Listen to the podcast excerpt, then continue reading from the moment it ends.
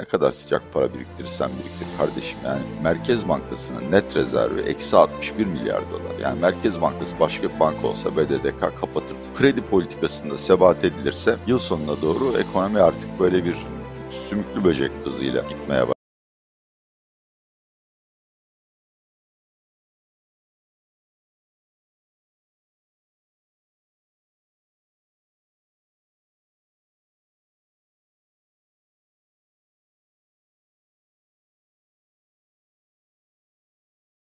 Merhaba, hoş geldiniz. Hoş bulduk Semih. Sana ve izleyicilerimize Amerika Birleşik Devletleri'nden keyifli bir günler, keyifli gün diliyorum. Çok teşekkür ediyoruz. Yeni imajınız güzel olmuş, yakışmış. E, Yeni yeni dönem için mi hazırlık mı yapıyorsunuz? Ne yapıyorsunuz? Valla e, vatan hasreti bir takım değişimlere zorluyor beni. E, yakında da saçımı mohawk yaptıracağım. Ortasını yeşile boyatacağım. Ancak böyle başa çıkabiliyorum hasretle. Evet. Bir de tabii yeni sponsorumuz da böyle istiyor bu. Ben, benzin istasyonu markası. E, Bakalım. Rütük yayını yasaklayacak, yayını yasaklayacak mı? O zaman ben IBAN'ı gönderiyorum size. Marka bize ufak bir ödeme yapsın. Tabii ki, tabii ki. Şimdi Atilla Bey, ekonomi takip ediyorsunuz uzaktan. Biz ama çok acı bir yaz yaşıyoruz. Çok ateşli bir yaz yaşıyoruz. Ek- Zamlar, hayat pahalılığı gün geçtikçe artıyor. Haberler iyi değil, tüketim azaldı. Hepsini konuşacağız. Önce seyircilerimizin genel bir yorumuyla başlamak istiyorum programa. Seyircilerimizden sıkta karşılaştığım bir yorum şu. Diyor ki ekonomistler siz de bunun içindesiniz. İşler çok kötü gidiyor derken bizim durumumuz iyiydi. Fena değil idare ediyorduk. Şimdi Mehmet Şimşek Evet. ve e, Gaye Erkan'la birlikte başlayan dönemi hakkında daha olumlu konuşuyorsunuz ama biz bittik. Bunu bize açıklar mısınız diyen çok seyircimiz var. Bugün bununla başlayalım. Tabii ki bunun iki nedeni var. Biz genelde makro istikrar konusunda konuşuyoruz. Yani sürdürülebilir bir ekonomiyi hedefleyerek işler iyi kötü gidiyor yorumunu yapıyoruz. Nedir o? Bütçe açığının kontrol altına alınabilmesi, cari açıkların finanse edilebilir olması ve tabii ki enflasyonun düşmesi. Şimdi Mehmet Şimşek ve Gaye Erkan döneminde bunların başarılması olasılığı yükseldi ve bir takım aşamalarda kaydedildi. Tabii bunun bir maliyeti var. Tüketici yani cari açığın sürdürülebilir olması tüketici açısından çok ciddi bir sorun. Günlük hayatında karşılaştığı bir sorun değil. Birincisi bu. İkincisi tabii çoğumuz aslında geçmişin yorumunu yapmaktan çok geleceğin projeksiyonunu yapıyoruz.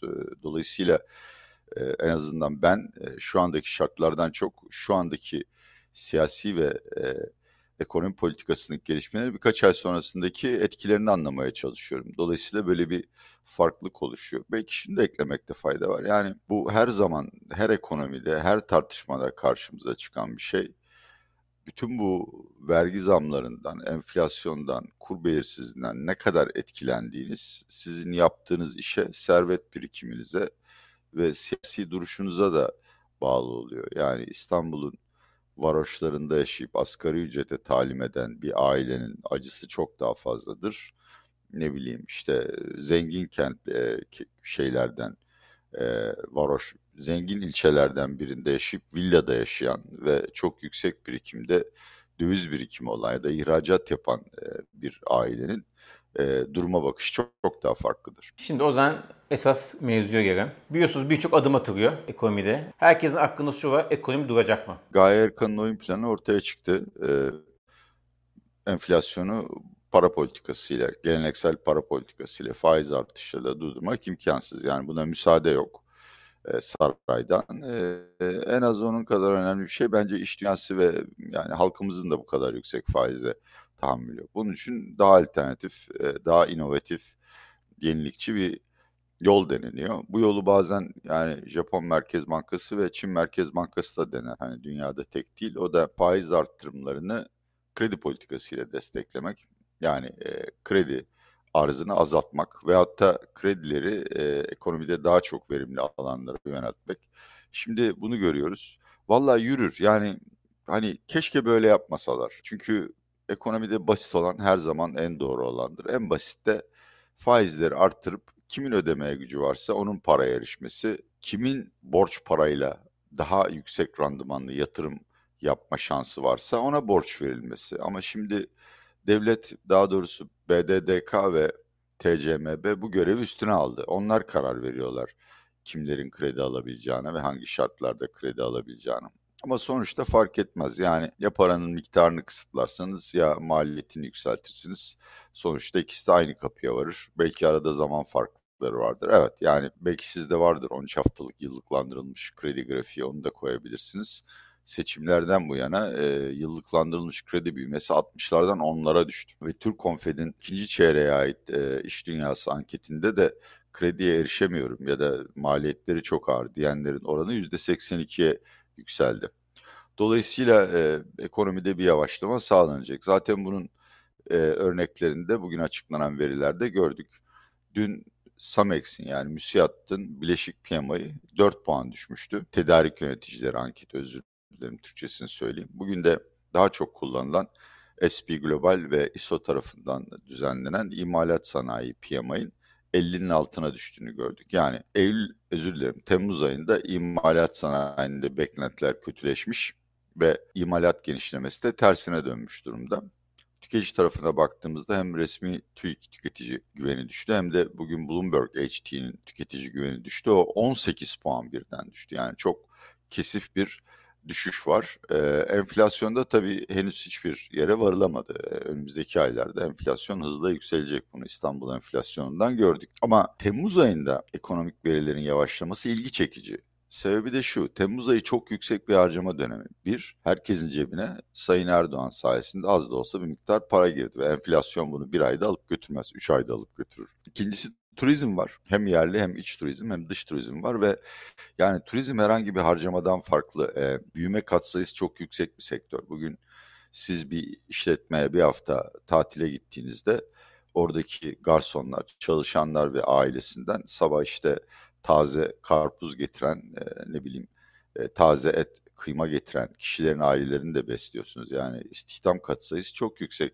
Bütün bunlara rağmen Temmuz'da ilk daralma işaretlerini görmemiz e, tabii ki ekonominin yavaşlayacağına delalet ediyor. Evet yani bu kredi politikasında sebat edilirse yıl sonuna doğru ekonomi artık böyle bir sümüklü böcek hızıyla gitmeye başlar ve enflasyonda yani tek hane veyahut da düşük çift tane değil ama en azından en kötüsünü engelleriz. Kur istikrarsızlığından kaynaklanan e, enflasyonu talep tarafındaki gelişmeleri kısıtlayarak kısmen engelleyebiliriz. Ve eğer 2024 yılında da politika devam ederse evet enflasyon hedefi olan %33 galiba işlebilir. Yalnız bir hatırlatma yapmak istiyorum sevgili Merkez Bankası'na. Bunun şirketler üzerindeki etkisi çok ağır olur zaten biliyoruz. Yani Türkiye'de artık zombi şirketlerden e, geçilmiyor. Bunlar sapır sapır dökülmeye başlarlar. Tabii doğal olarak istihdam da azalmaya başlar bu şirket kapandıkça. Tüketici tarafında ise zaten ekonomiyle ilgili herkes biliyor. İcra iflas dosyaları, haciz dosyaları birikmiş yani 20 milyon civarına gelmiş. Şimdi tüketici de artık e, krediye rahatlıkla erişemeyecek. Onlar da ödeme güçlüğü çekecekler. İşte BDDK biliyorsunuz geçen hafta özür dilerim TCMB geçen hafta nakit çekiş faizlerini arttırdı. Dolayısıyla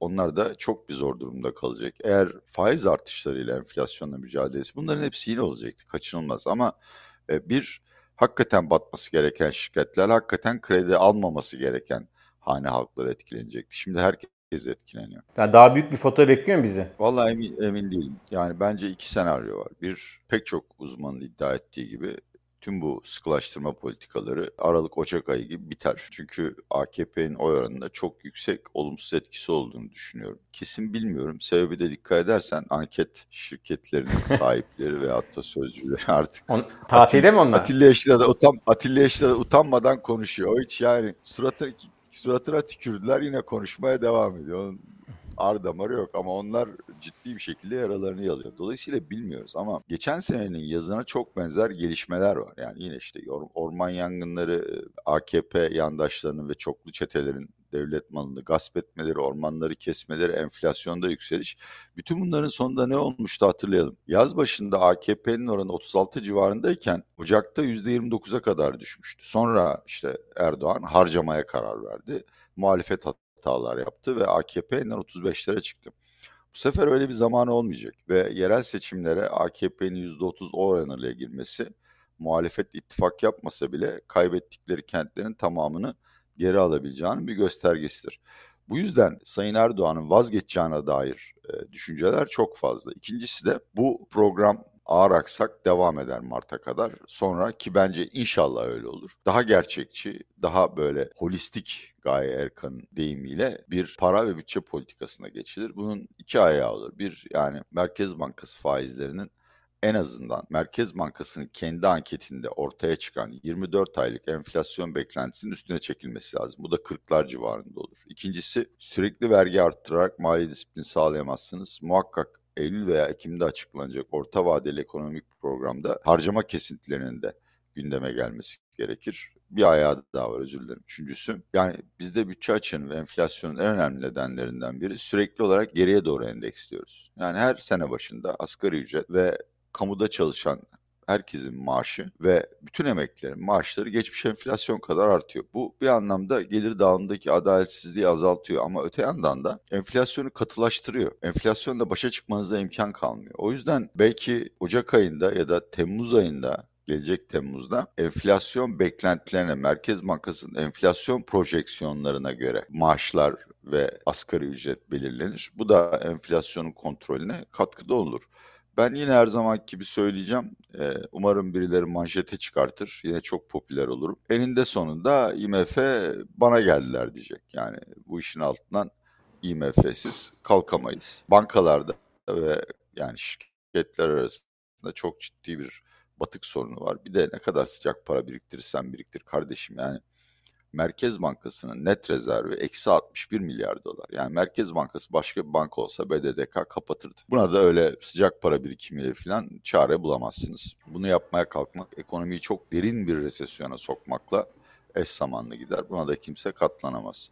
Ama e, açıkçası Sayın Erdoğan eğer hakikaten U dönüşü yaptıysa ki bence diplomaside kesinlikle yaptı. Ekonomide henüz emin değilim.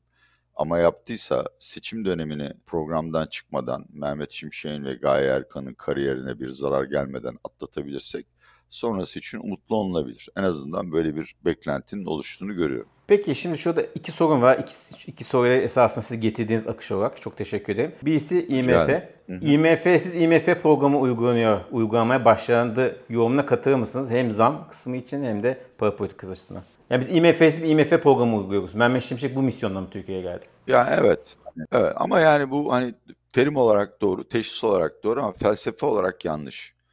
Çünkü IMF e, gelip de size e, illaki canınızı yakacak, size izdırap çekecek sadist tedbirlerle gelmiyor. Dünyanın her yerinde doğru ekonomi nasıl yapılıyorsa lütfen siz de onu yapın diye geliyor. Dolayısıyla aslında IMF siz IMF programı değil Erdoğan'ın daha az karıştığı bir ekonomi programı izliyoruz diyebilirim. Peki ikinci sorum da şu.